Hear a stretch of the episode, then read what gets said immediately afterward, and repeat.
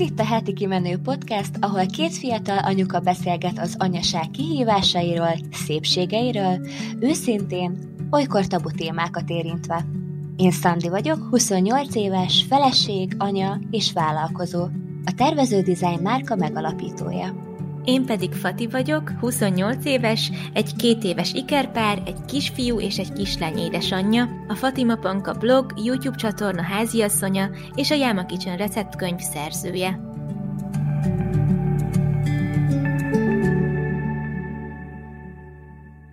Sziasztok! Üdvözlünk újra itt titeket a Heti Kimenő Podcastben. Én Szandi vagyok. Én pedig Fati. Az eheti epizódban újra van egy vendégünk. Ő nem más, mint Magyaróvári Zsófia, akivel arról fogunk beszélgetni, hogy miért is fontos a gyerekek és a felnőttek életében egyaránt a mese. Zsófi, hát köszöntünk téged, és nagyon köszönjük, hogy elfogadtad a meghívásunkat. Sziasztok, és üdvözlök minden kedves hallgatót. Én is örülök neki, hogy tudunk egyet beszélgetni. Ahogy mondtad is, Magyaróvári Zsófi vagyok, egy kilenc hónapos kislánynak az anyukája, és nemrég kezdtük el itt családilag az Esti Mese Podcastnek az üzemeltetését, ahol gyerekmeséket, verseket olvasunk fel, én egyébként szociálpedagógiát végeztem, és levelezőn éppen gyógypedagógiát tanulok, úgyhogy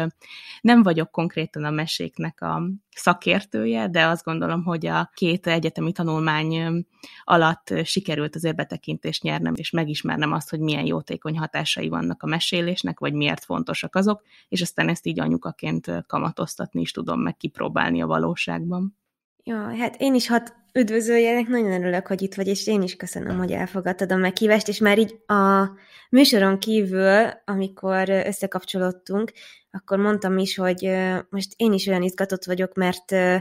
a Szandi hívta fel a figyelmemet az Esti Mese podcastre, és ez szerintem egy nagyon-nagyon hasznos dolog egyébként. Én baromi kíváncsi vagyok, mert ha jól látom, ezt a pár oldal együtt csináljátok, igaz? Igen, igen, igen. Igen, ez, ez szerintem az egyik legromantikusabb és legtökébb dolog, amit valaha láttam. és hogy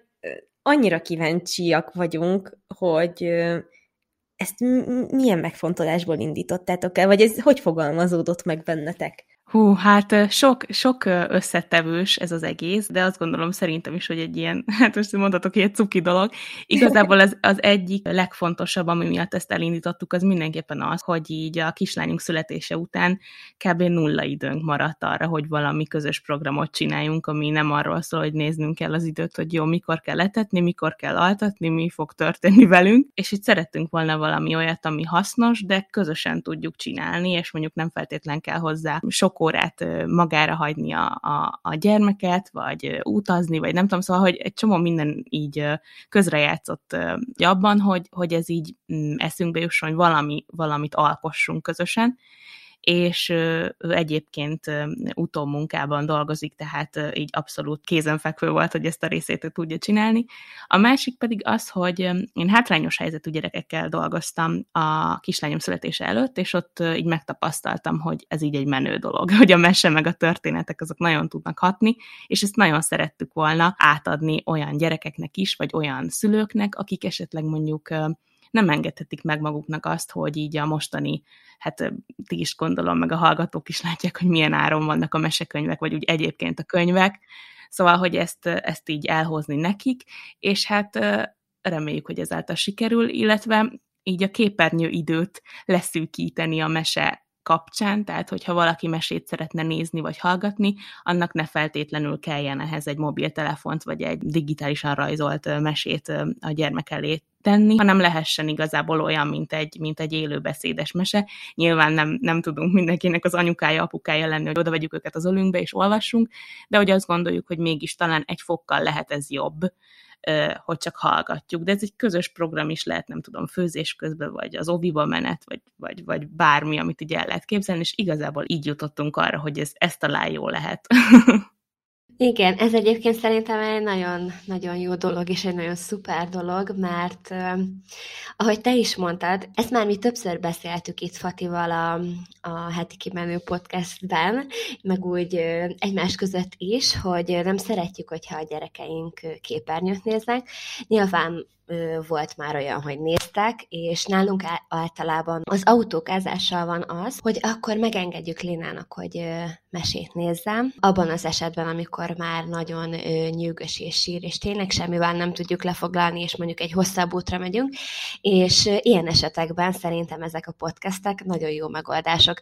Emlékszem, hogy néhány hónappal ezelőtt találtam rá az Esti Mese podcastre, és akkor elkezdtem neki mutogatni, és nagyon élvezi, nagyon tetszik neki, hogy nem csak én vagy az apukája mesélünk neki, hanem valaki más által hall olyan meséket, amiket még nem hallott, és ezt most lehet, hogy ti hallgatók is így már észrevettétek ebben a néhány percben, de hogy Zsófinak szerintem annyira jó és megnyugtató hangja van, hogy szerintem ezért is szeretik a gyerekek.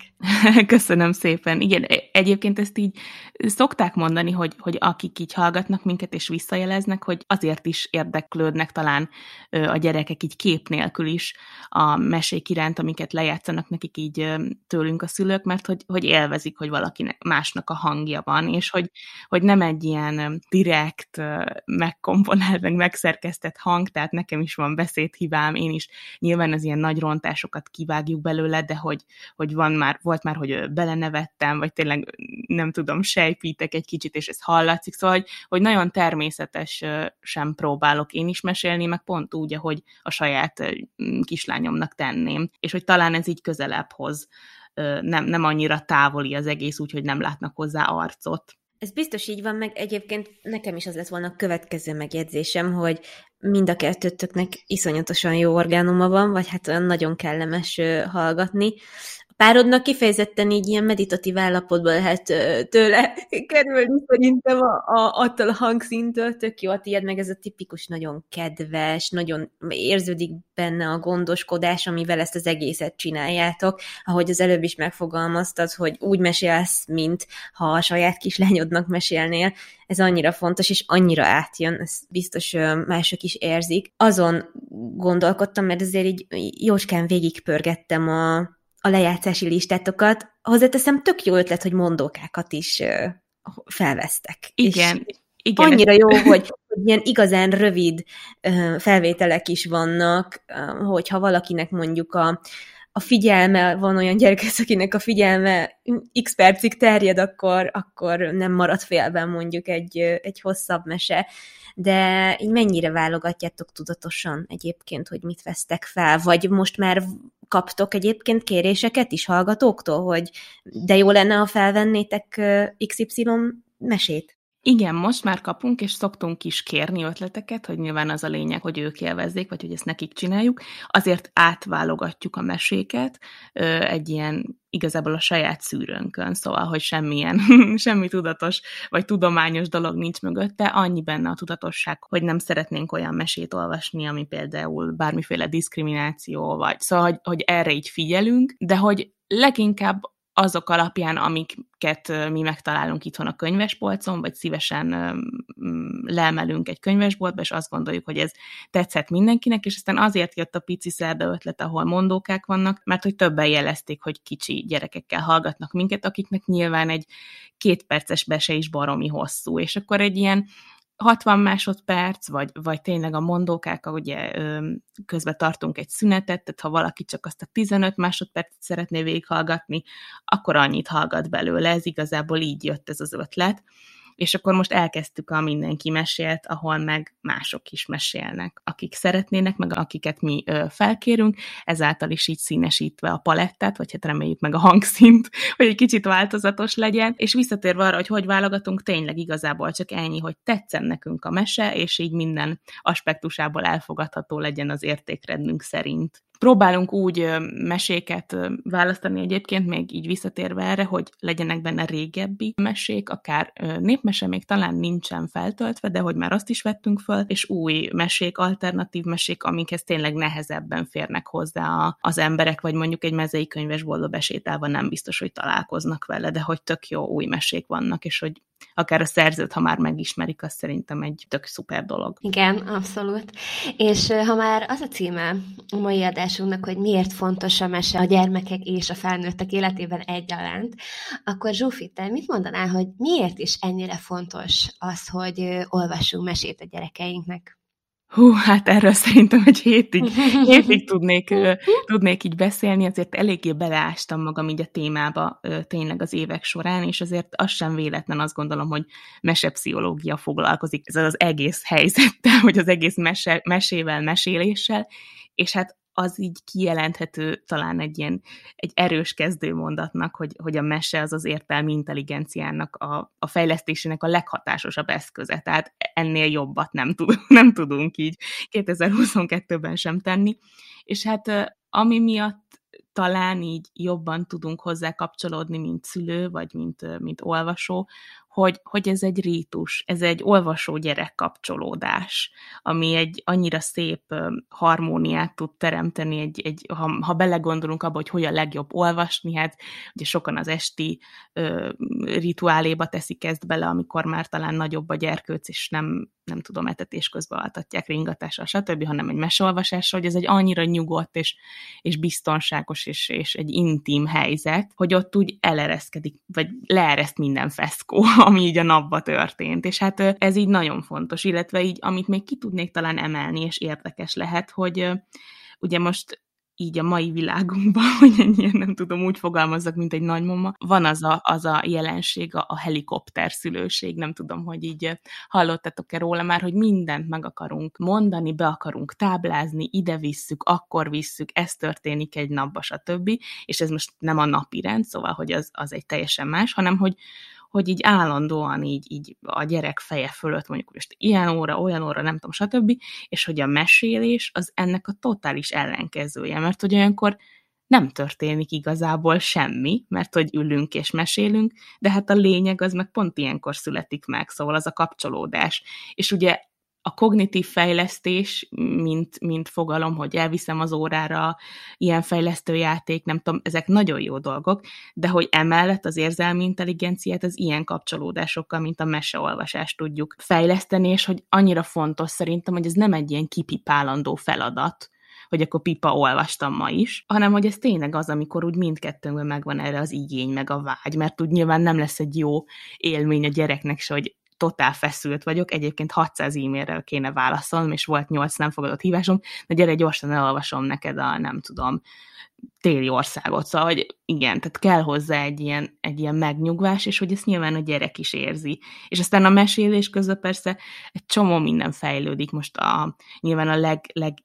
egyértelműbb az a szókincs, beszédfejlődés, de hogy azért nem elhanyagolható nyilván a gyerek képzeletének a fejlődése sem, és amikor olvasunk egy mesét, akkor ott a saját belső képé alakul át maga a mese és ez később ugye segít frusztrációt feldolgozni, toleranciát, magát a vágyakozást is segítik ezek a mesék kiteljesedni, illetve elfogadni azt, hogy nem kaphatok meg mindent rögtön. Szóval gondoljunk akár egy olyan mesére, ahol a legkisebb királyfi vagy a legszerencsétlenebb főhős eljut a célig, de hogy közben mennyi minden történik vele, ugye? Tehát nem sikerül a próbatétel, elesik, nem tudom, mindenféle gonoszság éri, és aztán ott látja közben a gyerek, hogy ahhoz, hogy én elérjem a célomat, mennyi mindent kell tennem. Szóval a király, királylányt azt nem szerzem meg, csak úgy, hogy csettintek egyet. És hogy ezek nagyon fontos dolgok szerintem, ami így a mese által mm, tudatosul és hát ezáltal ugye azonosulni is tud a, a gyermek a főszereplővel, nem véletlenül vannak a különböző olyan mesék, amik például a gyászfeldolgozás segítik, vagy a kistesó érkezését, vagy szóval, hogy, hogy nagyon sok ilyen mese van, és szerintem ez nagyon, nagyon fontos, és hát még tényleg ezer dolgot fel tudnék sorolni, hogy mi mindent segít a mese, meg hogy miért jó, hogy olvassunk, és hát a másik oldalon meg a szülőnek, hát ez egy abszolút, szerintem egy annyira jó érzés, hogy oda bújik a, a, a gyereked, és akkor olvasol neki, és hogy ez így érdekli, és nem tudom, szóval ez, ez szerintem fantasztikus. Igen, ezzel én is abszolút egyetértek meg, hogy attól függetlenül szerintem ez fontos így leszögezni, hogy attól függetlenül, hogy egy tárgyat veszünk a kezünkbe, és olvasunk, ez egy nagyon minőségi idő, amit a gyerekünkkel együtt töltünk. És ahogy te is mondtad, hogy szerintem ennél csodálatosabb dolog, mint amikor így oda bújik hozzád, és akár betakaróztok, isztok közben valami teát, mert nálunk ez mostanában nagyon aktuális, hogy így mindig leülünk a, a fotelba, betakarózunk, visszük a kakaót, vagy a teát, és akkor ott ö, olvasunk. Mostanában ö, ugye mi felkészülünk, vagy hát próbálunk felkészülni a tesó érkezésére, és a Lénát is felkészíteni, és ezért sok olyan ö, mesétkönyvet olvasunk, ami ugye ezzel kapcsolatos, és ö, mondtad, hogy így beleilleszkednek a gyerekek a szereplők életébe, és hát nálunk ez abszolút megvan. Mi akármit olvasunk, utána letesszük azt a könyvet, és utána újra el kell játszanunk az adott jeleneteket, és olyan vicces, hogy említetted a szókincset is, hogy ugye ezzel sok szót tudnak magukévá tudni, és ez nálunk, ez, ez is tényleg beválik, mert hogy mióta ennyire sok mesét olvasunk, a Lina sokkal több szó, szót ismer, és ezt én mindenképp annak tudom be, hogy sokat olvasunk neki.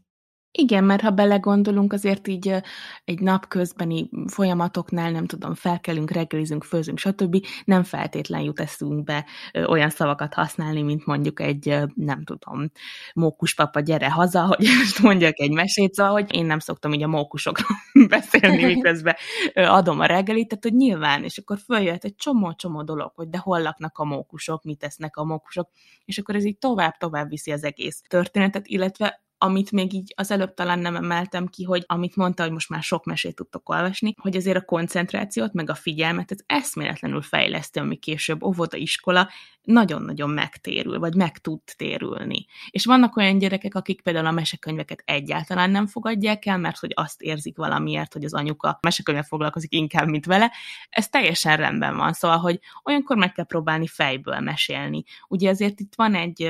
egy ilyen átfogó, hát hogy is mondjam, életkori sajátosságok, amik befolyásolják azt, hogy x idős gyerek mit fogad be.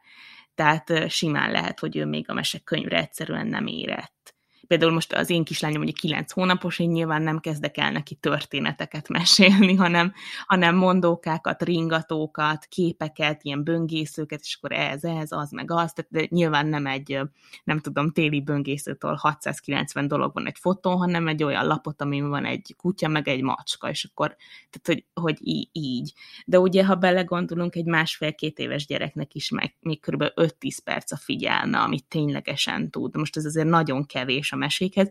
de ezért fontos szerintem, hogy olyan mesét válasszunk, ami egyrészt aktuális, mint ahogy mondtad is a tesó kérdés, másrészt meg ami az életkorának megfelelő olyan szempontból, hogy ne legyen soha csonka egy mese. Mert hogy akkor az nem úgy érkezik meg, nem úgy alakul belső képpé, meg, meg nem úgy formálja ő át saját maga, hogyha ha mi úgymond lerövidítjük. Tehát például ez szerintem egy nagyon érdekes, és én ezt nemrég tudtam meg, ö, olvastam egy mesepszichológusnak a könyvét, és ő, ő említette ebben a könyvben, hogy itt a gyerekek ugye teljesen más szűrnek le lényegnek egy meséből, mint mi. És lehet, hogy nekünk tök unalmas, hogy a főszereplőnek nem tudom, 8 külső és 15 belső tulajdonságát elmondja, de hogy benne majd egy fog megragadni, és én azt nem tudom kiválasztani, hogy melyik. Tehát, ha csak kettőt mondok el, akkor azzal én csonkítom ezt a mesét. Mert hogy nem adom meg a lehetőséget arra, hogy ő maga, az ő saját kis személyisége, meg a, hogy attól függően, hogy hol tart a lelki állapota, a fejlődése, kiválaszthassa azt, ami neki éppen fontos. De érdekes ez. Nagyon érdekes, igen. Amúgy pont az jutott eszembe, hogy Szandi is mesélte, hogy náluk hogy alakul ez a dolog. Olyan jó érzés, meg ebben is én látom a fejlődést a gyerekeknél, és ez, ez egyébként egy nagyon-nagyon pozitív dolog szerintem, hogy mennyivel összetettebb történeteket már el lehet nekik mondani, és sokszor ők kérik, hogy meséljek nekik, vagy valamelyikünk meséljen nekik, amikor ugye valaki más is akár vigyáz rájuk, Szóval, hogy ők kiválasztják a könyvet, van rengetegféle könyvük, amiből ugye lehet választani, és hogy, és hogy ez mindig egy tök jó program, és ez nekem, amikor egyszer odahozták hozzám a Bogyó és Babóca egyik részét, hát mondom, jó, akkor álljunk neki, de láttam, hogy ez egy elég hosszú mese, akkor ez egy újonnan kapott könyv volt, és akkor mind a kettőjük ott az ölembe, és képzeljétek el, hogy végighallgatták szinte mozdulatlanul, full koncentrálva az egészet, és én nekem ez akkora meglepetés volt, hogy, hogy ő szerette volna, ő eldöntötte, hogy szeretné, megkért, hogy olvassam el, és még végig is hallgatta. Hát mondom, ilyen a világon nincs, hogy honnan, hova eljutottunk, és hogy, hogy akkor éreztem, hogy ez a kitettség a könyveknek, meg a történeteknek, meg a mondókáknak, meg mindenfélének ez azért megtérült, és hogy annyira boldog vagyok, hogy ez ilyen őszinte örömet tud nekik okozni, és annyira jó megerősítést hallani, hogy ez valóban egy számukra iszonyatosan előnyös, és, és jótékony dolog. Úgyhogy azon túl, hogy minőségi időt tölt velük ilyenkor az ember, mi megmondom őszintén, ez az egyik dolog, amiben úgy érzem, hogy anyukájukként, meg időtöltésben jó vagyok, meg ezt így erősségemnek érzem, hogy tökre van türelmem mesélni nekik, meg szeretek is mesélni, meg, meg szeretik is azt, ahogy mesélek, és ez mindig is jellemző volt rám. Én kevésbé vagyok mondjuk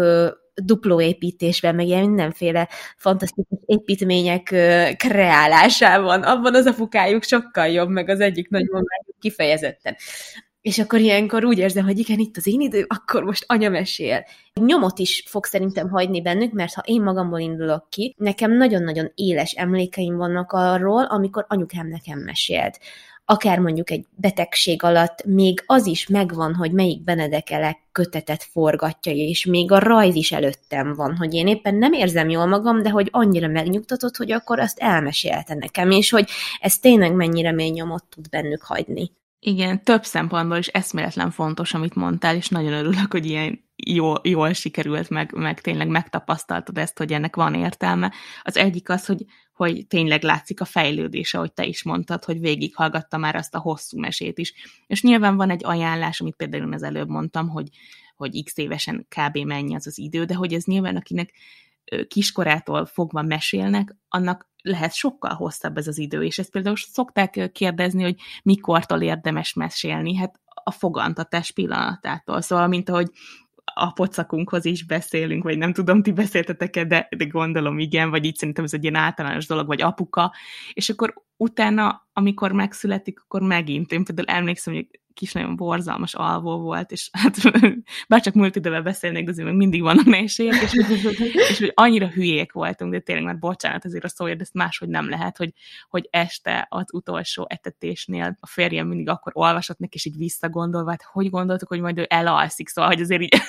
nyilván akkor még nem ez az esti mese a legjobb választás, legalábbis nálunk nem ez jött be, de hogy, hogy így tényleg a fogantatás pillanatától kezdve szerintem, ha valaki ezt megszokja, vagy beleszokik, hogy mondókázunk, hogy, hogy képeket nézegetünk a könyvben, és, és ott van valami szöveg, akkor, ahogy mondod, simán végighallgathatnak egy bogyó és baboca hosszabb hosszabb verziót. De hogy például az is nagyon érdekes szerintem, hogy mondtad ugye, hogy ők választották ki a könyvet, hogy ez eszméletlen fontos, mert hogy azok közül a könyvek közül, amiknek már ő ismeri a történetét, megadod a lehetőséget, hogy kiválassza azt, amihez ő érzelmileg jelenleg a legjobban kapcsolódik. Tehát lehet, hogy egy olyat fog kiválasztani, hogy nem tudom, történt vele a bölcsibe, oviba, iskolába, bárhol valami, és ezért aztán egy olyan könyvet választ tudatosan, vagyis hát ugye neki még nem biztos, hogy tudatos, de hogy, hogy megvan hozzá ez az érzelmi röket, hogy aha, ebbe mondjuk nem tudom, csúfolódás volt, és ott azzal, hogy ezt meghallgatja, újra és újra és újra és újra el kell olvasni, ugye vannak, vannak akik egy agyrémet kapnak, hogy már 28-szor olvasom fel ugyanazt, de hogy azért, mert hogy valamiért neki arra van akkor szüksége. Persze az is lehet, hogy csak tetszik neki ez a történet, de hogy nagyon sokszor az van emögött, hogy valami olyat ad neki lelkileg, vagy olyan feldolgozásnak azon a formáját tudja akkor véghez vinni, amiben őt az a mese segíti. És hogy ez nagyon-nagyon fontos a szabad választás. Igen, ahogy szerintem ez nagyon sok mindenben, már mint így a játékok terén is fontos az, hogy szabadon kiválaszta azt, amit, amivel ő szeretne játszani. És Nálunk ez egyébként úgy van megoldva, hogy több olyan ö, könyves polc is van, amit ő elér, illetve dobozok, amiben bele vannak téve a könyvek, és minden olyan magasságban van, ami ugye neki könnyen elérhető. És ahogy ezt mondtad, hogy már a szülők nagyon unják a történeteket, vagy egy-kettő történetet, hát ezt igen. Nálunk most az van, hogy hát én teljesen őszinte leszek, a játékoknál igyekszem odafigyelni arra, hogy tudatos legyek, és ne vásárolj neki olyan sokat, viszont nekünk nagyon sok könyvünk van. Van nagyon sok böngésző, mese, veses mondókák, szóval tényleg nagyon sok olyan van, amiből tud válogatni. És ez nálunk azért is alakult így ki, mert a Léna nagyon szereti a könyveket már kiskora óta, és akár 20-30-40 perceket is egyedül elolvas magában a szobájába, vagy az ágyába, és én pedig ülök a kanapén, és nézem, ahogy ő olvas magának. Majdnem minden hónapban, illetve minden hónapban szoktunk elmenni könyvesboltba, és ő választhat magának könyvet, és szeretném erőltetni neki, vagy hát nem erőltetni, de egy kicsit rávilágítani, hogy vannak más mesék is a Bogyó és Babócán kívül, és vettünk is egyébként, ő választott ki magának több olyan könyvet, ami nem Bogyó és Babóca, és amikor hazajöttünk, egyszerűen sehogy sem tudtam rávenni, hogy ezeket az új könyveket elolvassuk, csak és kizárólag Bogyó és Babóca. Viszont ezeket már ő annyira tudja a kívülről, hogy amikor el- elolvasunk egy történetet, akkor utána ő is elolvassa. És amúgy ez azért is jó, mert így ö, szeretem megfigyelni azt, hogy ő, hogy a saját szavaival, és azzal, ahogy ő látja a mesét, hogyan adja át nekünk. És olyan érdekes, hogy, hogy egyébként ugyanazt a történetet meséli el, amit mi meséltünk el neki, csak valahogy teljesen máshogy.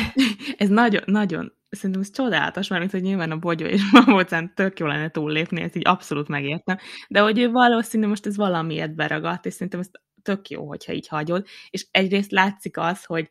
hogy itt is megtérül az, hogy azért az, ha belegondolunk, mennyire durva, hogy, hogy egy, egy kicsi gyerek visszaemlékszik egy történetre, nem? Tehát, hogy, hogy, így, hogy ezt így el tudja mondani. És ami még nagyon fontos szerintem így abban, amit mondtál, hogy ezt például sokan szokták így hát nem is tudom, kérdezni fórumokon, meg, meg hozzám is jött már ilyen kérdés, hogy például az ilyen varázsmeséket, tündér, meg herceg, meg nem tudom, gonosz, azt így mennyire lehet olvasni, és mikortól. És a varázsmeséket alapvetően 4-5 éves kortól ajánlják egy átlagos gyereknek, most mondhatok ilyet, mert hogy akkor van az, amikor már el tudja különíteni a valóságot az elvont világtól, ami a könyvben van, de hogy ez nyilván egyénfüggő, hogy, hogy egy, egy gyereknél csak a saját anyukája tudja, mikor jön el ez a pillanat, és hogy, hogy egy ilyen bogyó és babócánál is meg tudod nézni azt, hogy amikor visszamondja, akkor neki mi jött át ebből a történetből? Hogy mi az, amit kiragadott belőle, ez itt vissza tudok csatolni arra, hogy miért nem meséljünk csonkamesét, vagy miért ne rövidítsük le, mert hogy vissza tud emlékezni, és akkor ki tudja választani azt, hogy igen, most nekem itt az volt a fontos, hogy nem tudom, bogyó reptetett egy papírsárkányt, egy fogalm sincs, mik vannak a bogyó és bebocában, ez, mert nálunk még ez nem, nem annyira aktuális, de hogy ez nagyon fontos szerintem, hogy hagyni, hogy aha, hát akkor itt fejlődik az emlékezet, a memória, a szókincs, a, a visszamondása a dolgoknak, a, a megélése. Szóval hogy ugye közben vajon mi játszódik le a fejükbe, hát ez egy nagyon érdekes dolog lehet. Igen, meg ugye megfigyelni azt, amit Fati is mondott, hogy ö, milyen fejlődéseken mennek át, mert ö, most a Léna mm, 20 25-6 hónapos, nem is tudom pontosan, de hogy ő már egy egészen hosszú mesét is meghallgat, és ő hozza magától, hogy ezt szeretné elolvasni. Van egy olyan könyvünk, aminek az a címe, hogy A három jó barát, két kiskutyáról és egy rókáról szól, és én ezt többször próbáltam már neki esténként olvasni, de ő nem szerette volna, és mindig letettük, és mostanában magától hozza, és végig tudom olvasni, és utána ő szeretne még beszélni róla. Meg szerintem még azért is nagyon jó dolog a mese, mert ugye mi, miután abba hagytuk a szoptatást, elég nehézkes volt az elalvás, az esti elalvás, és most már mindig úgy alszik, hogy vagy én, vagy az apukája mesélünk neki, és meseolvasás után el szokott aludni, úgyhogy ott fekszünk mellette, de egyébként teljesen magától alszik el. És én ezt teljesen annak tudom be, hogy hogy mióta mesét olvasunk neki esténként, ez így segít neki az elalvásban. Igen, ezt nagyon sokan mondják egyébként, hogy ez egy ilyen szoptatás, vagy most aki tápszerezik, de lényegtelen szóval egy etetés kiváltó módszer tud lenni. Úgyhogy ez, ez nagyon szuper, és amit mondtál is, hogy most már elfogadja azt a mesét, ez például nagyon fontos szerintem itt a példa, hogy ha most én valamit nagyon szeretnék vele megszerettetni, ezt erőltetve nyilván nem tudom, mert hogy pont az ellenkezőjét, meg a meséknek a nem kedvelését válthatom ki belőle, de ha mondjuk amíg a Bogyó és Babócát lapozza, addig én előveltem a három jó barátot, és mellette én is elkezdem lapozgatni, és önkéntelenül nagyon kíváncsi lesz arra, hogy mit csinál anya, és mi az, amit ő olvas. És hogy ez, ez például egy ilyen tök jó, tök jó módszer szerintem, és amit meg még erre is bocsánat, hogy így vissza kell csatolnom, de hogy tényleg annyira jókat mondtok így azzal kapcsolatban, hogy megéltek, mert hogy nagyon tudom kapcsolni ahhoz, amit meg én tudok, és hogy, hogy az, hogy beszélgetni a meséről, ez egy nagyon fontos dolog, és itt szerintem még fontosabb kiemelni azt, hogy mennyire fontos az, hogy, hogy ne próbáljuk meg megmagyarázni a mesét a gyerekeknek. Mert hogy, hogy szóval nem mi vonjunk le tanulságot abból, hanem hallgassuk meg, amit ő, ő mond, mert hogy az annyira más, annyira érdekes, amit ő le tud ebből az egészből szűrni, hogy neki mi volt benne a fontos. Hogy, hogy sokan így próbálnak mindig ilyen, hogy is mondjam, tanulságos mesét olvasni a gyereknek, mert majd akkor így megtanulja, hogy mi a jó, meg mi a... Szóval, hogy, hogy a gyerekek olyan okosak, hogy ez valami hihetetlen, szóval, hogy minden gyerek ő maga a saját lelki fejlődéséhez mérten le fog tudni szűrni valami tanulságot ebből az egészből, ami mi felnőttek nem is biztos, hogy észreveszünk, vagy már annyira máshogy látjuk. És itt például meg lehet említeni szerintem megint azt, hogy, hogy most egy ilyen elterjedt, szerintem butaság, vagy nem tudom, hogy fogalmazok erre, hogy nem olvasunk olyan mesét a gyereknek, amiben gonosz van. De hogyha nem olvasunk olyan mesét, amiben van gonosz, vagy, vagy negatív tulajdonságokkal rendelkező hős, akkor miből fogja tudni kiszűrni azt, hogy na jó, de akkor mi a jó cselekedet? Tehát akkor nem lesz ugye összehasonlítási alapja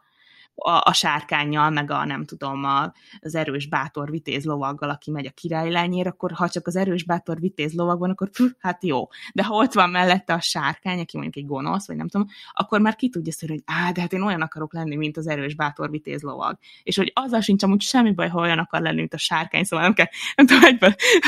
pszichológus az minden gyereket, hogy te, úristen, a gyerekem ezt választott, ez borzalom, akkor valamiért ő most éppen ahhoz kapcsolódik, nem tudom, érte valami negatív élmény, vagy, vagy azt azt látta az óvodában, hogy de nem tudom, a Pistike pedig sokkal gonoszabb volt, vagy nem tudom, csúnyábbat mondott, és mégis őt választotta Marika, szóval, hogy ez, ezek így feldolgozás az egész, de hogy szerintem nagyon fontos, hogy lássa egy gyerek egy mesébe, hogy van a jó, meg a rossz. Ahogy visszagondoltok, nem tudom, hogy van-e ilyen élményetek, hogy úristen, azóta pszichológushoz járok, meg terápiára, mert anyukám elolvasta, nem tudom, hétfejű sárkány, szóval, hogy, hogy szerintem ez így annyira más, hogy látják a gyerekek még a mesét, hogy nem azt látja benne, mint mi, hogy úristen, a véres karddal kaszabolják egymást, hogy, hogy nekik ez még annyira más. Én nagyon örülök, hogy ezt szóba hoztad. Kicsit gondolkodtam rajta, hogy erről beszéljünk-e, vagy hogy egyáltalán valamikor így a beszélgetés során előhozakodjak-e vele. Igazán az jutott ehhez eszembe, hogy nek, én nagyon szeretem a magyar népmeséket. Tehát, hogy tényleg, amikor meghallom a kis intróját, akkor így tudjátok, amikor ilyen nagyon nosztalgikus hangulatba kerülsz, és amikor valami olyan dolog történik, ami, ami egy nagyon jó időszakra emlékeztet. Na nekem ezt hozzák vissza a magyar népmessék, és, és valahol volt egy, volt egy párbeszéd online egy ilyen anyuka közösségben, akikkel egyébként nagyon sok mindenben a szemléletünk tökre megegyezik, de hogy valaki előhozta, hogy hát ő mennyire megválogatja, hogy milyen meséket mond a gyerekeknek, és hogy régen milyen kifordult volt a világ, hogy micsoda mesék voltak, meg nézzük meg a magyar népmeséket, hogy micsoda példát állít a gyerekek elé, hogy az asszony mos, most főz takarít, és a, a férfi meg gyakorlatilag úgy van beállítva, mint ha ő csinálná csak a fontos dolgokat, ő ezt sarkította abból ki, és akkor én meg ott ültem így, mint akit leforráztak egyébként a, a székemben otthon, mikor ezt olvastam, mondom, te jó ég, akkor én nekem az értékrendben valami nagy baj van, hogyha én ennek ellenére szeretem a magyar népmeséket, mert nekem például ehhez csak az jutott eszembe, amikor ezt olvastam, hogy nekem, tehát, hogy én nem így közelítem meg, hanem, hogy bennem azt az érzést kelti, hogy hogy az egy viszonylag harmonikus családi jelenet mondjuk abban az adott mesében, hogy az anyuka ételt tesz az asztalra.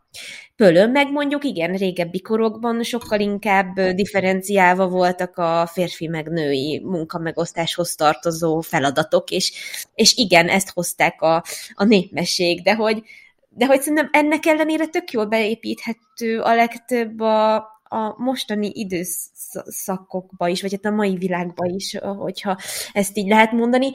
Nem tudom, de, de tényleg szerintem én most már látom magamon, hogy nem lesz, tehát hogy e, nem fogok így szőrszálakat hasogatni ezen annyira. Persze vannak elvek, meg vannak ilyen szemléletbeli alapvetések, amikhez tartom magam, mint szülő, meg mint ember, de hogy, de hogy alapvetően ebben én is így lazább vagyok, meg nem tudok ennyire katonás lenni, mert hogy ha én találkozom egy történettel, eleve nem, nem ez ugrik be nekem, mint mondjuk másoknak, és, és nem gondolom ezt így ilyen szinten végig, és nem tudom, hogy ez jó-e vagy rossz, de most örülök, hogy ezt így felhoztad, és, és hogy ez nem egy ördögtől való, való dolog, hogy ezektől így megóvjuk a gyerekeket teljesen. Nem. Sőt, nem, nem tudjuk tőle megóvni, mert neki teljesen máshogy csapódik le. Tehát lehet, hogy neki fel sem tűnik ez. És azért azt nem szabad elfelejteni szerintem, hogy, hogy nagyon szuper apukák vannak, akik mondjuk ők vannak otthon a gyerekkel, de úgy szerintem most ezt így nyugodtan kimondhatjuk, hogy nagy részt azért ez még mindig az anyukák feladata, akár csak az etetés miatt, hogy egy apuka még szoptatni mondjuk nem, nem tud, de hogy, hogy ez, tehát ez így nem, nem elhanyagolható, és az, hogy egy mesébe lát egy ilyet, azt ő egyrészt tudja, ha szeretné ahhoz kapcsolni, hogy igen, hát mi is anyával szoktunk főzni, apa pedig hazajön, és amikor hazajön a munkából, akkor nagyon örülünk neki, és játszunk együtt, stb. stb.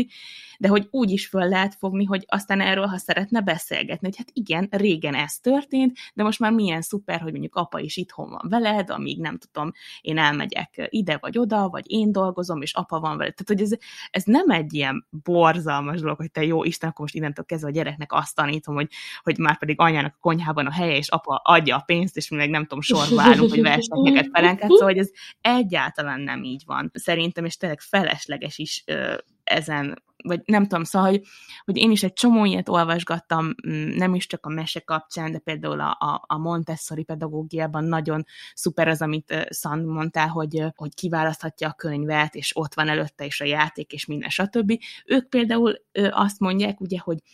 a Mikulás, meg a Jézuska, meg mit tudom én, az, az nem nincsen így, hanem az eredeti történetet mesélik el, mert hogy ez a valóság, és hogy még ugye x éves korig nem tudja elkülöníteni. Na például mi ezt egyáltalán nem tartjuk, mert hogy azt gondolom, hogy felnőttünk úgy, hogy, hogy ez a mi életünkben volt, és ez még mindig egy ilyen varázslatos dolog, ha visszaemlékszem, hogy anyukám csengetett, és akkor a Jézus ment, szóval, de hogy vannak olyan családok nyilván, akiknél ez így tök, tök rendben van, hogy akkor ők az eredeti történetet mesélik, és ez a jó a mesékben, hogy annyiféle van, hogy kiválaszthatom azt, ami, ami a mi családunkba beillik, de ezen, hogy gonosz, meg hogy milyen tradíciókat továbbítok, meg hogy milyen értékrendet szerintem tényleg nem érdemes nagyon sokat gondolkodni, mert, mert a gyerek nem így látja ezt az egészet. És, és aztán egy bizonyos ö, korban meg ott van két-három éves kor között például az én mesék, amikor, amikor a, nem tudom, a Janó és Janka, a Bori mesék, ami teljesen a valóságot tükrözi, az meg megint egy olyan, hogy lehet, hogy Bori így szedte a húsvéti tojásokat, de mi meg máshogy szedjük, de hát ettől még ez egy, nem egy rossz mese, csak ők így csinálják. Szóval, hogy pont, pont ilyen a, a, a népmesei rész is, hogy hát régen ilyen mesék voltak, de hogy, hogy ezt már tényleg csak mi felnőttként tesszük oda, hogy te jó Isten, hát uram, miket, miket olvasunk itt a gyereknek, mikor itt szeretnénk egy jobb világot, de hogy, hogy, hogy nem, nem, nem, így, nem így látják szerencsére. Egyébként ez nagyon jó, hogy felhoztad a Montessori elveket, mert hogy én már így kiskora óta ö, igyekszem ezekre odafigyelni. Persze nem vagyok ilyen nagyon elfogolt, és nem követek minden egyes szabályt, de nagyon jó dolgok vannak szerintem a Montessori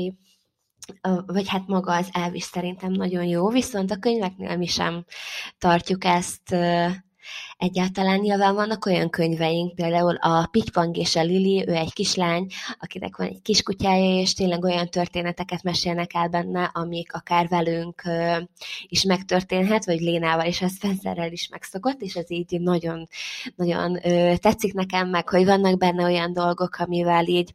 arra ösztönzi a gyerekeket, hogy tényleg a kutyájukra mennyire oda kell figyelni, és hogy mennyi törődést igényel egy házi állat, és én ezt nagyon szeretem, hogy vannak ilyen könyveink, és ezek is lekötik a lénát, viszont én azt vettem rajta észre most ebben az időszakában, hogy a fantáziavilág sokkal inkább érdekli. Volt, amikor gondolkodtam azon, hogy hát biztos nem véletlenül mondják azt, hogy ezeket a könyveket érdemes olvasni nekik, és hogy próbáljunk egy kicsit elvonatkoztatni, és ne olvassunk neki annyira sok ilyen olyan mesét, ami, amiben sárkányok, vagy hercegnők, vagy nem tudom, tündérek vannak, de arra jutottam így az évek során, vagy a hónapok során, ahol már tényleg nagyon sok könyvet olvastunk, hogy egyáltalán nem szeretném ezt elvenni tőle, mert emlékszem, hogy én is nagyon szerettem a meséket, és szerettem ábrándozni, és szerettem saját magamat belehelyezni ezekbe a világokba, és Krisztián is mindig mesélte, hogy ő mennyire át tudta adni magát ezeknek a meséknek, és hát úgy gondoltam, hogy, ezzel nem árthatok neki. Lehet, hogy egyébként vannak, akik ezt máshogy gondolják, de én valahogy azt érzem, hogy minden mese jó mese valamilyen valamilyen szempontból. Abszolút, és hát amit mondtál, hogy, hogy észrevetted rajta, hogy, hogy ahogy mondtam, a varázsmesék most átlagosan nézve négy-öt év, de ha te észreveted, hogy két évesen ez érdekli, akkor miért vonnád meg tőle? Szóval, hogy, hogy mondhatom én neki a Janó és Jankát, ha már bocsánat, de egyáltalán nem érdekli. Szóval akkor, akkor igazából mit teszek? Azt teszem, hogy megvonom ettől az élménytől. Míg hogyha elolvasok neki egy, nem tudom, hercegnős, vagy sárkányos, vagy bármilyen mesét, és azt meg imádja, és semmi olyat nem látok rajta, hogy ő frusztrálódna, vagy ne tudna elaludni, mert fél, meg, szóval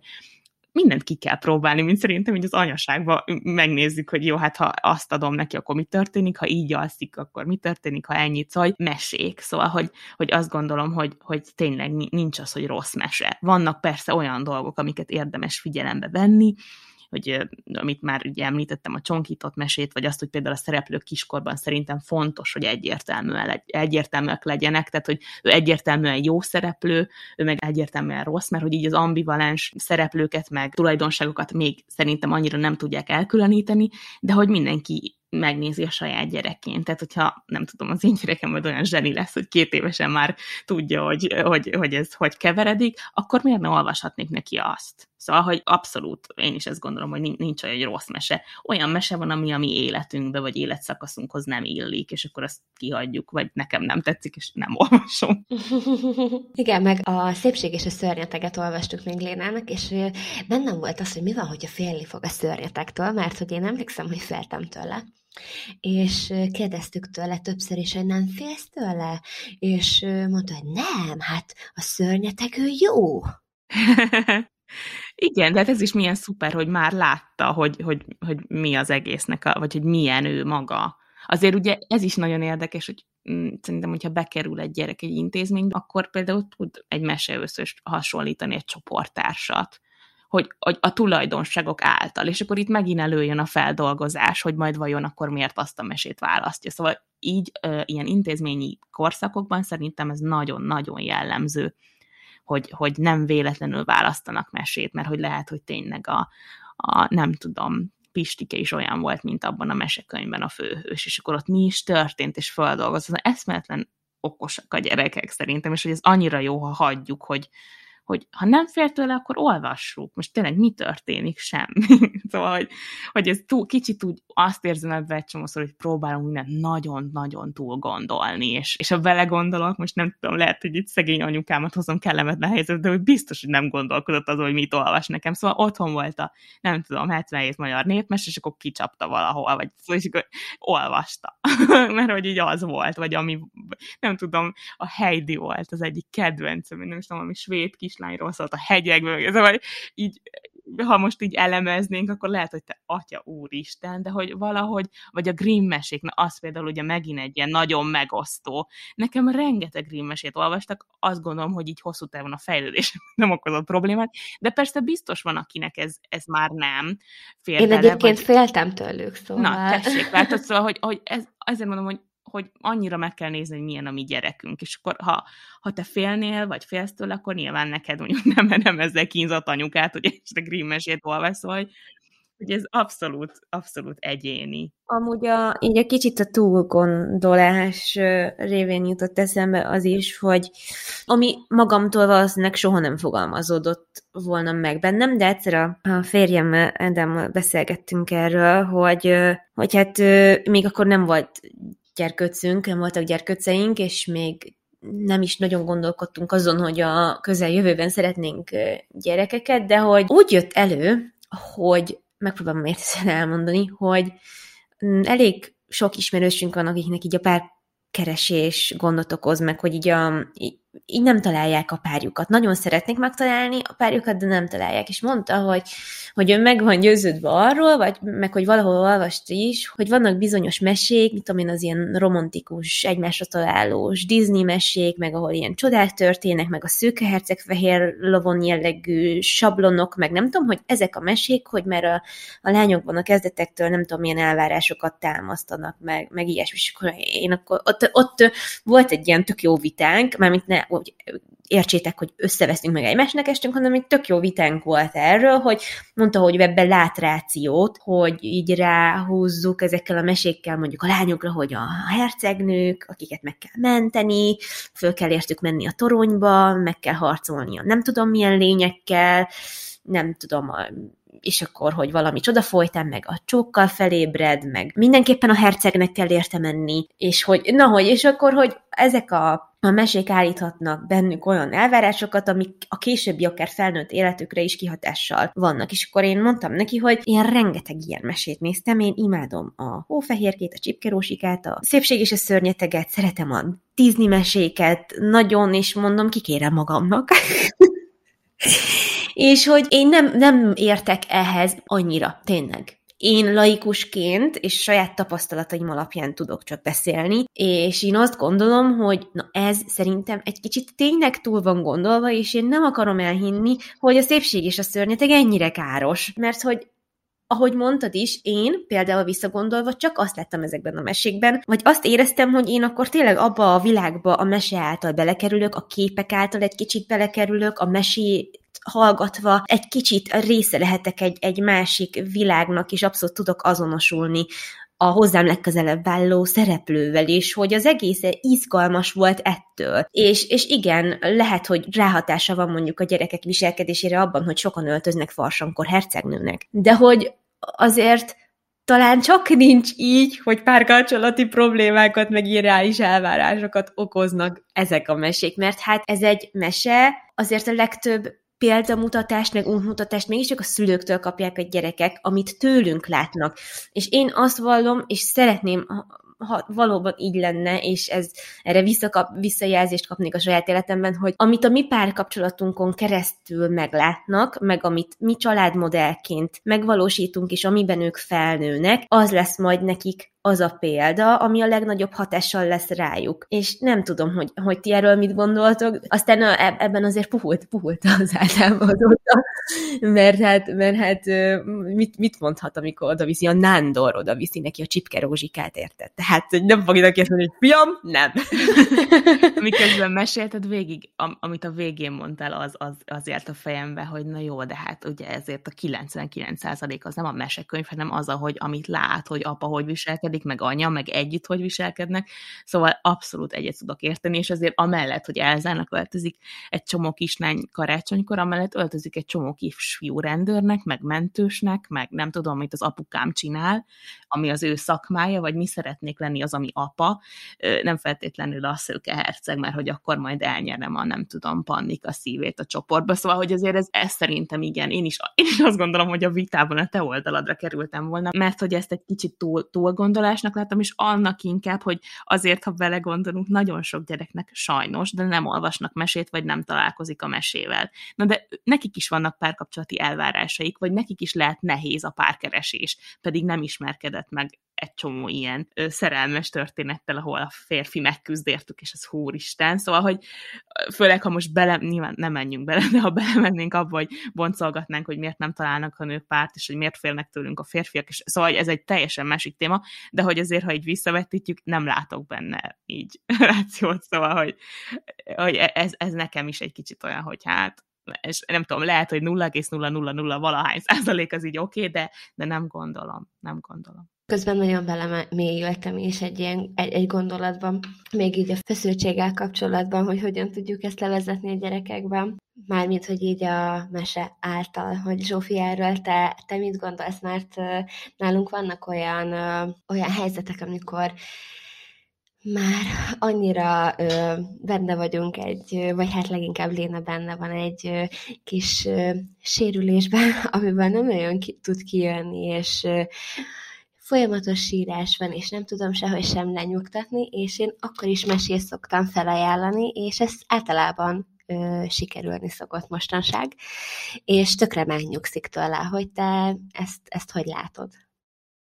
Hát első körben úgy, hogy szerintem, ha a gyerekünknek valami baja van, és bármire, bármire reagál, és az jó, akkor csináljuk, szóval nem nyilván olyan keretek között, amit megenged az anyaságunk, meg a, az emberi mi voltunk, de hogy a mese abszolút egy ártalmatlan tényező, meg egy dolog erre, úgyhogy tök szuper. Másrészt igen, szóval hogy a feszültséget tök jó dolog levezetni mesékkel. Egyrészt szerintem már maga az, amit beszéltünk, hogy milyen mesét választ, és hogy azért választja, és akkor azáltal levezeti. Másrészt, ami nem elhanyagolhat, látható szempont, és szintén említettük, ez az összebújás, az intim, az anya és én, vagy apa és én, már ez ad egy megnyugvást, de lehet, hogyha csak magamhoz ölelem, és jaj, nem tudom, bogárkám, mi a baj, akkor ez mondjuk duplán rá frusztrál, mert hogy jaj, most hagyjál, szóval, hogy még ha nem is tudja szavakkal megfogalmazni, de elterelem a figyelmét annyira, hogy a biztonságos közeg, meg az óvó légkör az megmarad, viszont nem arról kell beszélnie, hogy mi bántja, vagy mi történt, vagy miért borul ki, hanem akkor ezáltal így elengedjük ezt az egészet, és én se nyaggatom, hogy de mondd el, hogy mi a baj, vagy de nyugi, nem tudom, mindjárt odaérünk, stb.,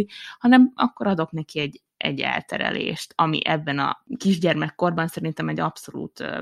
reális, nem elvárható dolog az, hogy akkor mi ezt azonnal megbeszéljük, és vagy nem tudom, ti mit figyeltek meg így, nektek van ezzel talán több tapasztalatotok, én csak így az iskolás munkámmal kapcsolatban látom azt, hogy sokszor semmit nem ér az, ha én ott rögtön meg akarok oldani egy helyzetet, hanem várni kell, hogy akkor benne is lecsitul, bennem is lecsitul, meg még az X adott félben, és akkor utána lehet ezt megbeszélni, és szerintem ez a kicsiknél is simán van így, hogy most egyáltalán nem vágyik arra, hogy ezt az egész helyzetet így megbeszéljük, vagy, vagy megoldjuk, hanem csak azt kell neki, hogy valami más történjen vele, és ki tudjon jönni az adott helyzetből, stresszből, vagy, vagy, vagy bármi, ami őt akkor éppen kiborítja. És erre a mese szerintem tök szuper, úgyhogy mm, abszolút azt tudom mondani, hogy jó, amit, amit csinálsz, és bármi jó, ami kiszed egy gyereket egy ilyen befeszülésből. Persze, nem azt mondom, hogy egyébként ez minden alkalommal sikerül, de hogy amikor már tényleg semmit nem tudok tenni, és nem tudom kihozni ebből a helyzetből, akkor, akkor a mese ez egy tök jó megoldás. Az elején azt hittem, hogy ezzel magamat próbálom megnyugtatni, vagy, vagy ebből az ideg állapotból kihozni, mert hát én is nagyon feszült tudok akkor lenni, amikor mindent megteszek azért, hogy ő megnyugodjon, és mégsem. És így azon gondolkodtam, hogy most jó, hogy én most előveszek egy mesét, és egy plusz dolgot így a nyakába varrok, vagy nem tudom, csak azért, hogy nekem könnyebb legyen. De közben meg rá kellett jönnöm, hogy nem, ilyenkor ugyanúgy ott vagyok vele, ugyanúgy beleélem magam én is abba a mesébe, és ugyanúgy együtt vagyunk, minőségi időt töltünk tényleg együtt, és, és az, hogyha ez még segít is abban, hogy megnyugodjon, hát ennél jobb dolog nem is kell. Hát így van, és azért azt nem szabad elfelejteni, hogy attól, mert vannak gyerekeink, ugyanúgy emberek maradtunk, sajnos vagy szerencsére, tehát hogy, hogy attól, mert én mondjuk feszült vagyok, mert már tényleg felrobbanok attól, hogy nem tudom, nem tudom megnyugtatni, és hogy azt érzem, hogy hát ez, ez borzasztó, nem? Hogy biztos éreztetek ki, az altatásra van mindig ez, hogy ezt nem hiszem el, hogy álmos a gyerekem, és egyszerűen nem tudom elaltatni. És hogy ez, ez borzasztó, és hogy sír, és hogy mindent megpróbáltam, és hogy hát ez, ez, ez, ez, ez borzasztó, ha valaki, és én nem tudom megnyugtatni, akkor kicsoda. És akkor ilyenkor jön egy ilyen belső feszkó, és tök ideg leszek, és hát nem csoda, hogy neki az, hogy ott hozzám bújik, és ringatom, az nem egy megnyugvás, mert csak azt érzi, hogy fölrobban anya. Szóval, hogy, és hogyha ez az, hogy én mesélek, és én is kiszakadok ebből, és ezáltal ő is megnyugszik, hát ez tök jó. Szóval, hogy, hogy szerintem abszolút valid használni a mesét arra, hogy magunkat egy kicsit kizökkentsük, vagy hogy, vagy hogy tényleg nekem van olyan, hogy ugye még tényleg pici az én babám, de hogy, és mondjuk nem hallgat végig, nem tudom, egy, egy mondókát teljesen, de én csak azért is végigolvasom magamnak, egyrészt amiatt, hogy ő is hallja nyilván a hangsúlyból minden, vagy van egy vége. Másrészt, hogy amikor már itt tényleg egy ilyen tök stressz helyzet után előveszünk egy könyvet, akkor én magamat is megnyugtatom, hogy akkor ezt elolvasom, és akkor ritmusos, és mondom, és mondom, és egy kicsit így elfelejti az ember, hogy így mi történt ezelőtt két perccel. Szóval, hogy szerintem ez abszolút ér. Tehát, hogy mint ahogy kiborulunk mi is, meg hogy a, olyan fura lenne a gyerek előtt azt mutatni, nem, hogy most akkor jó, akkor nem tudom, neked van egy rossz napod, de én végig széles mosolyjal és nyitott kézzel vállak téged, hogy magamhoz elhesselek, amit nyilván ezt tesszük, de hogy attól függetlenül még érzi a rezdüléseinkből, hogy hát most anya pedig marhára fel fog robban. Igen, igen. Ami egyébként nekem még így tapasztalat, hogy ha igen, van az a pont, ezt már egyébként sokszor megbeszéltük a Szandival, hogy van az a pont a, a kiborulásukban, amikor nálunk például úgy, ahogy te is mondtad, csak az a megoldás, hogy megvárod, míg lecsitulnak, és akkor utána lehet megint ember mondjára kommunikálni velük, mert hogy, mert hogy van, amikor nem tudod őket túl kiabálni, nem is kell, meg én úgy érzem, hogy nem is hatásos. Nagyon jó lezáró, és hogy is mondjam, olyan kicsit így visszaépítő jellegű az, amikor utána olvasunk egy mesét, és ez, és ez baromi jó módszer szerintem utána egy kicsit újra egymásra találni, hogyha nagy feszkó volt. Viszont még ami nagyon hasznos, hogy minél több ilyen kicsit hosszabb mesét olvasunk, amiben ugye több dolog történik, meg több szereplő van, akikre később a hétköznapokban is vissza lehet utalni. Baromi jól jön ilyen random helyzetekben, amikor valamit nagyon nem szeretne csinálni, vagy valamire, valamit nagyon szeretnéd, hogy, hogy, hogy úgy történjen, ahogy szülőként neked most úgy könnyebb lenne, és föl kéne öltöztetni, vagy hogy mit tudom én most, amit szeretett enni, most nem eszi meg, pedig mindig megetted, de most valamiért nem, és tehát, hogy valamilyen nehézség van, és vissza tudsz utalni mondjuk egy jelenetre egy meséből, vagy az egyik történetrészletre, és akkor arról beszélni, hogy de akkor abban a helyzetben mit csinált a, a boribom, mert most nálunk Anni Panni van, Anni boribom, a keresztanyák még, keresztanyuk végtől kapták szülinapjukra, vagy karácsonyra két Anni Pannis könyvet, és nagyon szeretik, és abban volt az egyik, hogy a Boribon, a Mackó, ő rendet rakott, hogy segítsen az Anni Panninak, amíg ő elment bevásárolni, és akkor, amikor rendet kell csinálni, és nagyon nem partnerek abban, hogy segítsenek, és éppen kezdeném felhúzni magam, hogy megint nekem kell mindent összepakolni helyettük, akkor így sokszor előhúzom azt, hogy de mondom, a Boribon segített az Anni Panninak is, és milyen kedves volt tőle, meg hát a Boribon is összerakta a szobáját, pedig mekkora felfordulás volt benne, meg az Anni Panni lerajzolta a kis autót felfordulva, jelezvén, hogy ugye kupi van a szobában, tehát, hogy lehetett a Boribon is, és akkor lehetem a Nórán, mert ő neki a nagy kedvenc ez a könyv, hogy jó, akkor, akkor nem, még öt darab duplót aztán belerakott a kosárba, de hogy látom, hogy ennek így van hatás az ilyen visszautalgatásoknak, hogy egy kicsit így példálozzunk Abszolút vele. egy legális zsarolási módszer. szóval, hogy tényleg, hát valahogy kell, szóval, hogy igen, nyilván a boribon sokkal menőbb, mint az, hogy látod, anya is összepakol napi 28 tök jó az a dolgod, nem? Szóval körülbelül ezt gondolják magunkban szerintem egy csomószor, de hogy ha boribon csinálta, hát az azért mennyivel menőbb, mint anya, hát ez, Tök jó. Még egy kicsit kiszorok a duplóból. Tök jó hallani, hogy azt mondtad, hogy ez egy legális zsarolás, mert hogy én nagyon sokszor szoktam a könyveket segítségül hívni, hogy oldjunk meg valamit, vegyük fel a kabátot, vegyük fel a sapkát, mert hogy ő is és ő is meg szokta ezt tenni. Szóval ez ilyen tök jó. Igen, hát valamit kell, szóval most nem nyilván lehetne itt álszenteskedni, hogy maga a türelem az így, nem tudom, árad belőlünk, és akkor nem. És amit, amit, amit Fati mondta, ez nagyon-nagyon fontos, legalábbis én nagyon sokszor érzem ezt egy ilyen kiborulásnál, vagy egy ilyen, amikor így befeszülök, és nem úgy reagálok, ahogy, ahogy kellene, és egy, jön egy ilyen borzalom, és az anyai lelkiismeret furdalás, hogy most komolyan egy, egy apró gyerekkel azért, mert ő nem tudta kifejezni, stb. Persze aztán az a másik agyam tudja, hogy ezért ez a gyerek már nem olyan apró, tehát valamit, hogy,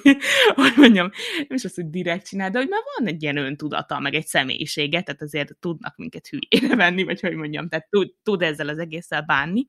de hogy, hogy így nagyon jön ez a lelki furka, és akkor utána az, amit így mondtál, ez a feloldás, meg újrakezdés, ez nekem például annyit segít, hogy jó, akkor elveszünk egy könyvet, akkor ott bekuckozunk, megölelem, és akkor hogy azt érzem, hogy így fel vagyok oldva, fel vagyok mentve az elől, hogy mondjuk az előbb nem tudom, türelmetlenül szóltam hozzá, vagy, vagy nem tudom, nem úgy, nem úgy viselkedtem, ahogy azt így elvártam volna magamtól. És akkor lehet, hogy ezt így ő is érzi, vagy hogy ők is érzik, hogy most akkor így, így szusszanunk egyet, és kezdődik egy új lap és azt úgy elfelejtjük, mert mondjuk ő se úgy viselkedett, én meg nem úgy reagáltam, tehát azért szerintem egy fél éves kor után már nem lehet ezt mondani így, így egy gyerekre, hogy úgy, ah, csak úgy csak úgy van, és történnek vele a dolgok. Ez, ez olyan, mint például a hiszti kérdés, szerintem, hogy van hiszti, nincs hiszti, ugye, jaj, nem hisztizik egy gyerek, nem, az akaratát kifejezi, de hogy az így tud átmenni egy olyan bepörgésbe, hogy tök jó, hogy nem akar sapkát felvenni, de kint mínusz öt fok van, tehát ezt a sapkát rá kell adni, és akkor itt most hogy reagálok erre? Hát valahogy rá kell adnom azt a sapkát és hogy mondhatom azt, hogy de nem hisztizik, csak kifejezi az akaratát. Igen, de hogyha azt mondom neki, amit, amit mondta, hogy de a boriban is felvettem, meg a, meg a legyen bárki, és ezáltal fölveszi a sapkát, hát én vagyok a legboldogabb, mert hogy amúgy erőszakkal, de rá kellett volna adnom azt a sapkát, nem? Szóval, hogy nyilván van egy olyan felelősségvállalásom, hogy nem, nem akarok egy fülgyulladást, meg egy tüdőgyulladást a gyereknek, tehát belemeltünk egy ilyen ördögi körbe, és ez szuper, hogy a mesét, vagy bármilyen főhőst lehet, lehet lehet segítségül hívni. Igen, hát nálunk egyébként a könyvek, meg így a mese az olyan szinten minden játéknál fontosabb, hogy nálunk van az autóba négy-öt könyv, van a konyhába, a konyhaszekrénybe, van a, a nappaliba is könyv, van az éjjeli szekrényünkön, meg hát ugye a Léna szobájába, és nálunk mindenhol könyvek vannak. És így a, a nagymamám kérdezte múltkor, hogy ő nem érti, hogy a Lénának miért vásárolunk kiskora óta könyveket, amikor ő még csak két éves, és hát nem is tud olvasni, meg hát ő nem hiszi el, hogy érdeklik ezek a könyvek a Lénát. És múltkor egy fél napot anyukámmal volt, és ott volt a dédi is, a mamám, és amikor megérkeztem érte, akkor mondta, hogy hát Szandikám, én nem gondoltam volna, de ez a gyerek tényleg egész nap a könyveket lapozgatja. Igen, e, e, ezt abszolút megértem. Ó, nálunk borzalmas túlzáson a gyerekkönyvekből, de hogy egyébként felnőttként is olyan szépek, nem? Szóval, hogy Nagyon, öröm. igen, igen. Sokszor az ember lehet magának, magának veszi, vagy tényleg úgy olyan jó ránézni. Igen. Igen, igen. Egyébként visszatérve még erre, hogy nekünk mennyit olvastak a szüleink, hát Nekem egyébként, meg a tesómnak is nem olvastak olyan sok könyvet a, a szüleink, sőt azt mondanám, hogy nem is voltak olyan sok könyveink, és én az elején azt gondoltam, hogy én azért veszem ezt a sok könyvet, mert hogy magamnak szeretném őket tudni, és én szeretném ezeket elolvasni, mert hogy egyébként nagyon sok olyan könyv van, amiket én a Léna miatt olvastam el, és ezeket elvéletileg már gyerekként kellett volna olvasnom, mert hogy minden ismerősöm már átment ezeken, de mi, mi valahogy nem voltunk ilyen könyves család, és sokáig azon gondolkodtam, hogy esetleg én erőltettem rá a Lénára azt, hogy ő most ennyire szeresse a könyveket, de aztán rá kellett jönnöm arra, hogy nem, mert hát van egy csomó játéka, amit, amit azért vettem, mert hogy Szerintem hasznos, szerintem szép, akár jól mutat a gyerekszobában, mert hát azért ez sem elhanyagolható, és vannak olyanok, amik egyáltalán nem érdeklik, pedig én azt gondolnám, hogy jó, viszont a könyvekkel ez, ez, ez nincs így. A könyveket ő tényleg azért szereti, mert ő lát bennük valamit, és mert őt boldoggá teszi az, hogy olvasgatja őket. És mi már kialakítottunk neki egy ilyen olvasó sarkot, mert hogy én nem viccelek, amikor azt mondom, hogy 30-40 perceket el van a könyvekkel, és hát ez idő alatt én van, hogy megfőzök, kitakarítok, bekészítek egy mosást, bemegyek a szobájába, és még mindig ott ül és lapozgat. És én azért iszonyatosan hálás vagyok, úgyhogy nálunk is nagyon sok könyv van, és szerintem a könyvekből nem lehet túl sokat venni, vagy legalábbis ezzel nyugtatom magam. Meg ez egy jó befektetés, szerintem én mindig ezt szoktam mondani, szóval ha így megnézek régi könyveket, hogy mennyire árulnak antikvárba, vagy bármilyen, ez valami brutális. Szóval hogy mindig arra gondolok, hogy ez, ez micsoda egy ilyen jó, jó befektetés, hogy majd amikor ő lesz, meg neki gyereke, meg nem tudom, hogy az, amikor így anyukám a padlásról lehozza a régi könyveket, és látom, hogy jó Isten, ez a kiadás ezzel a grafikával mennyiért megy. Hát ez azt érzem, hogy micsoda gazdag vagyok, de hogy, és én például ezzel szoktam magam nyugtatni, hogy, hogy ez egy jó befektetés. Igen, egyébként tényleg. És nem tudom, hogy ti szeretnétek-e még hozzáfűzni valamit, de hogyha, hogyha nem, akkor szerintem tök jó lenne, hogyha így ajánlanánk néhány olyan könyvet, amit, amit mi szeretünk, lehet ez akár, nem tudom, böngésző, kukucskönyv, mese, bármi, csak hogy hát, ha itt tudnak a hallgatók is ebből meríteni. Igen, igen. Zsófi, nyugodtan kezd szerintem, de én nagyon kíváncsi vagyok, hogy mi az, ami most is.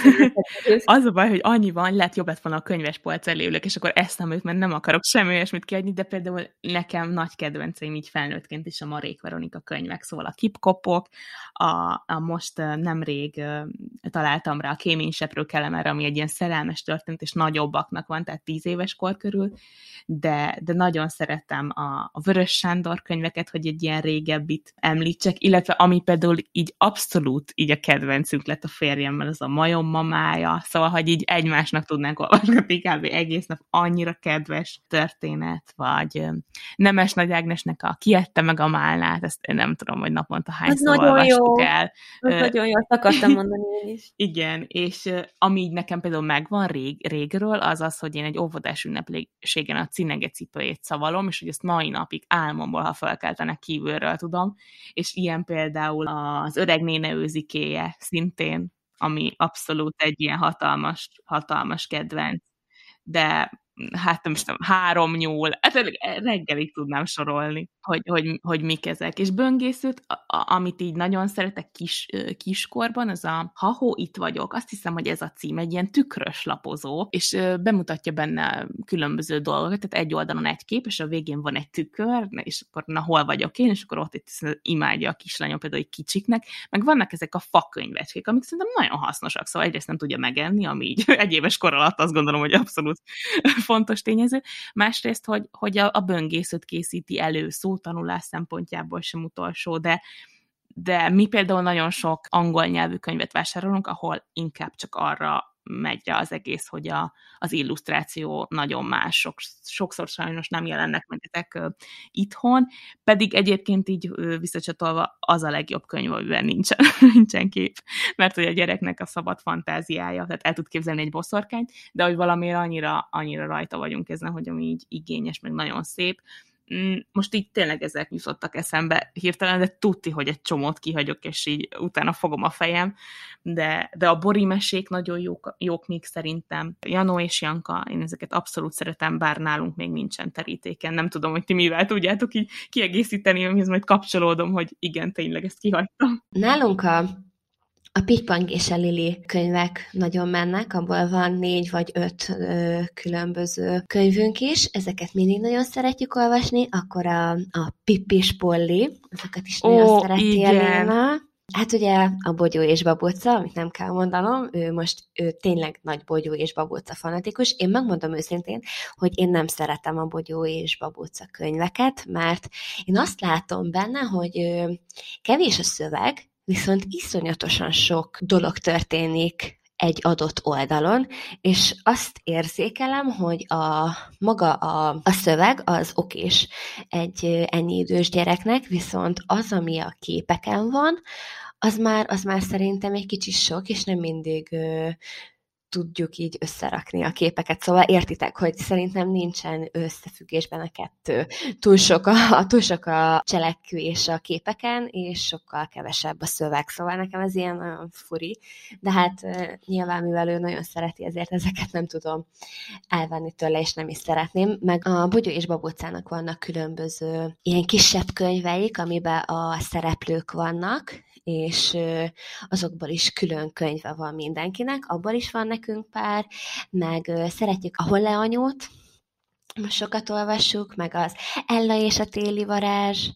akkor öreg néne őzikéjét mi is nagyon szok- sokat szoktuk. Hát, mi van még? A, a Mimi Csoda böngészőket nagyon szeretjük, szerintem azok is nagyon jók. Meg vannak ezek a nagy ö, böngészők, nekünk van belőle téli is, meg őszi is. Szerintem még a Léna kicsi hozzá, mert a, a kisebb böngészőket ö, nagyon szereti, és sokszor előveszi és nézegetjük, viszont ö, hát a nagy böngészőkben néha van olyan, amit ö, én is ilyen néhány perc után találok meg, főleg amikor így először veszem le a polcról, és még nem láttuk. Úgyhogy én azt ilyen kisebb gyerekeknek nem ajánlanám. Persze nyilván mindenkinek más ez, amit a gyereke szeret. Igen, bocsánat, hogy itt közbeszólok neked, de van annyira vicces történet ezzel kapcsolatban, hogy így nem tudom magam hagyni, hogy nekünk megvan ez a téli nagy böngésző, és egyszer a férjemmel azzal szórakoztunk, hogy ezzel játszottunk, hogy ugye ott mond valamit, és akkor megtalálja a másik, és konkrétan van olyan, amit a mai napig nem találunk. Szóval, hogy, hogy, hogy így mondod, mond valamit, és akkor az a baj, hogy ott nincs oldalt ennél a konkrét böngészőnél, hogy mit kell keresni, hanem csak így rámutatunk valamire. És rámutatott valamire, de azóta ő se talál találja, tehát hogy konkrétan ez egy ilyen Mission Impossible, tehát hogy egyszerűen az így eltűnt. Szóval az tényleg egy ilyen, azt gondolom, hogy egy ilyen magasabb, magasabb igen, kategória, de ami micsoda, az, az abszolút még. És ott is azt hiszem, hogy úgy van, hogy van egy éves kortól, meg két éves kortól, tehát hogy így növekszik a, a igen, részletessége. A, ami micsoda mini, azt hiszem. Igen, igen, igen. És, és azok szerintem szuperek, de hát például az őszi böngészőnél nekem van egy olyan, amikor egy bácsi almát szed a falat, és komolyan mondom, perceken keresztül kerestem, és nem találtam. szóval szerintem ez ilyen nagyobb gyerekeknek sokkal, sokkal jobb, de egyébként nagyon jók a böngészők, én szeretem őket, csak hát még nem az ő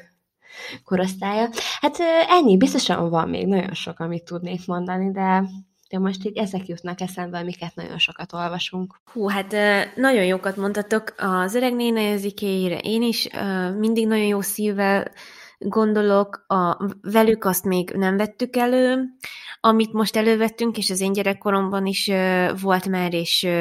nagyon jönnek belőlem is az emlékek. Vele kapcsolatban az a mese volt, abban tök jó kis versikék vannak. Igen, gazdag így abszolút. abszolút. Aztán a Pip és Polly hatalmas öm, szerelem nálunk, azon belül is a kékszörny, a barátságos csiga, aztán nem tudom, egy csomóféle van még, imádják, és öm, aztán van ez az író, aki azt hiszem a Pip és Polly könyveket is írja,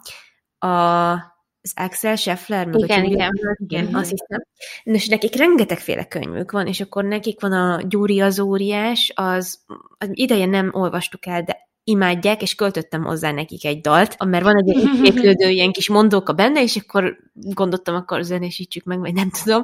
és uh, azt is nagyon szerették. Akkor mondom most az Anni Panni, Anni Panni és a Boribon történetei, akkor az az egy darab Bogyó és Babóca könyv, mert ezeket ugye mind ajándékba kapták a, a Bogyó és Babócát, Anni Pannit, és aztán ugye megnézték, és amelyik megragad nagyon bennük, ahhoz ugye vissza-vissza nyúlnak folyamatosan, és ugye így időszakok is vannak, amikor valamelyik kicsit háttérbe kerül. Böngészők közül nekünk is van nagy téli böngészőnk, egyébként abszolút értem, mit, mi az, amiről meséltek, mert tényleg Nekem szinte így néha sokkot kap az agyam, amikor megnézek egy ilyen oldalt, hogy most mi van? Uram Isten, mennyi minden van oda tömítve egy oldalra. Hozzáteszem, nagyon érdekes, és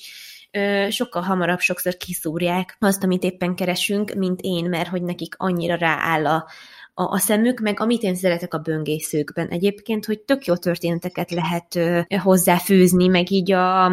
például a téli böngészünk az olyan, hogy abszolút ilyen hétköznapi, valóságban ö, megtörténő kis helyzetek vannak benne, hogy valaki átsétál az úton, akkor ott el lehet mondani, hogy igen, megállt az autó, a néni körülnézett, és akkor, amikor meggyőződött róla, hogy nem jön semmi, akkor átsétált az úton. Meg, mit tudom én, éppen díszítettek egy karácsonyfát, és akkor, hogy nagyon sok beszélgetéshez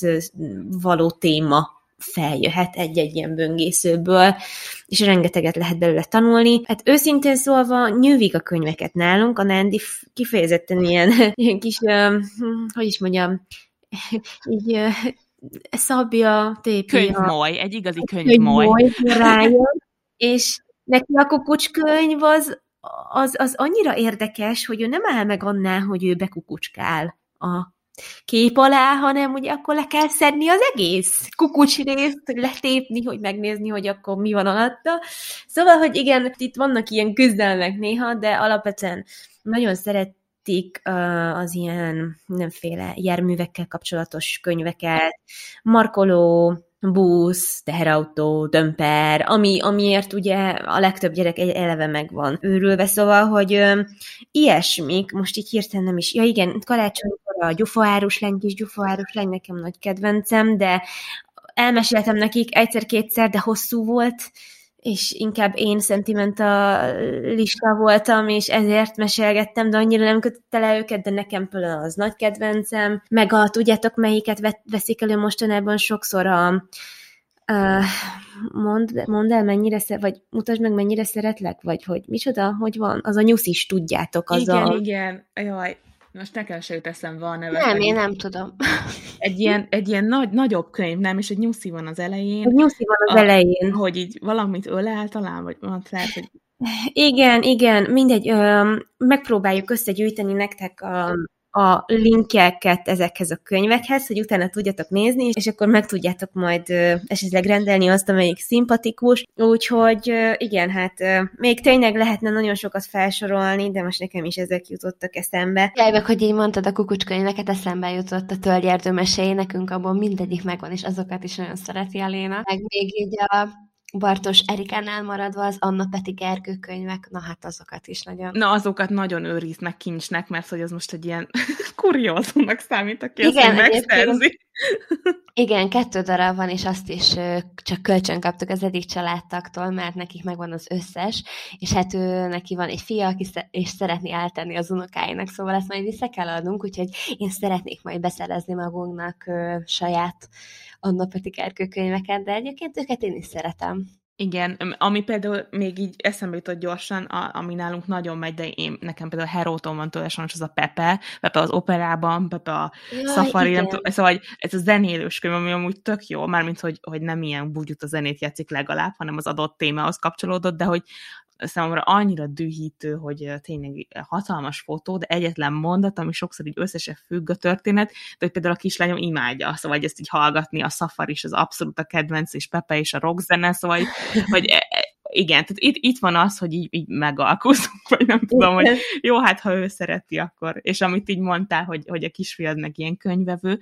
az én kislányom is most már talán kicsit kezdünk leszokni róla, nem akarom elkiabálni, de hogy például ez egy tök jó dolog szerintem, hogy az én kukucskönyvek, meg ezek a tölgyerdős is talán így még az olcsóbb kategória, tehát az ember igen, igen. annyira nem sajnálja beáldozni őket, mint mondjuk egy ilyen nagyobb böngészőt. Igen. Hát lányok, nem tudom, hogy maradt biztos maradt bennetek még ö, sok minden, amiről lehet me- mesélni, de hogy nem tudom, hogy van még valami, amit most ebben az epizódban szeretnétek elmondani, vagy pedig lezárhatjuk. Abszolút én szeretném megköszönni a beszélgetést, nagyon, nagyon élveztem, megköszönöm a meghívást, de azt gondolom, hogy mindent így sikerült talán átbeszélnünk nyilván, amit ennyi, ami ebben a keretben lehetett, mert hogy tényleg egy hétig lehetne. igen, igen. Na, jó van. Hát szerintem ez egy nagyon-nagyon tanulságos rész volt ismét, és én nagyon sok mindenre tényleg személy szerint tök jó visszajelzéseket kaptam tőled, és nagyon szeretek így egy-egy ilyen témában elmélyült emberrel beszélgetni, pontosan amiatt, mert szülőként szerintem az emberben annyira sok bizonytalanság van, és most annyi mindenről megerősítettél, úgyhogy ez tök jó, meg hát szerintem Szondi nevében is gratulálhatunk nektek ehhez a podcasthez, mert hiánypótló, és tök jó, hogy vagytok, és nagyon várom, hogy az én gyerkőceim is rendszeres hallgatóitok legyenek, mert nálunk most még így nem volt annyira alkalom meg lehetőség ezt így bevezetni, de hogy szerintem ez egy fantasztikus dolog, amihez lehet nyúlni, és rengeteg szülőnek segítetek ezzel, ebben biztos vagyok. Úgyhogy tényleg köszönjük, hogy vagytok, és az elérhetőségeiteket mindenképpen lerakom majd a, a leírásba, és hát Instán is fogunk erről természetesen posztolni, úgyhogy, úgyhogy tényleg köszönjük, hogy itt voltál velünk, és hát további jó, hogy is mondjam, mesélést talán. Nagyon szépen köszönöm én is a kedves szavakat, meg a meghívást is.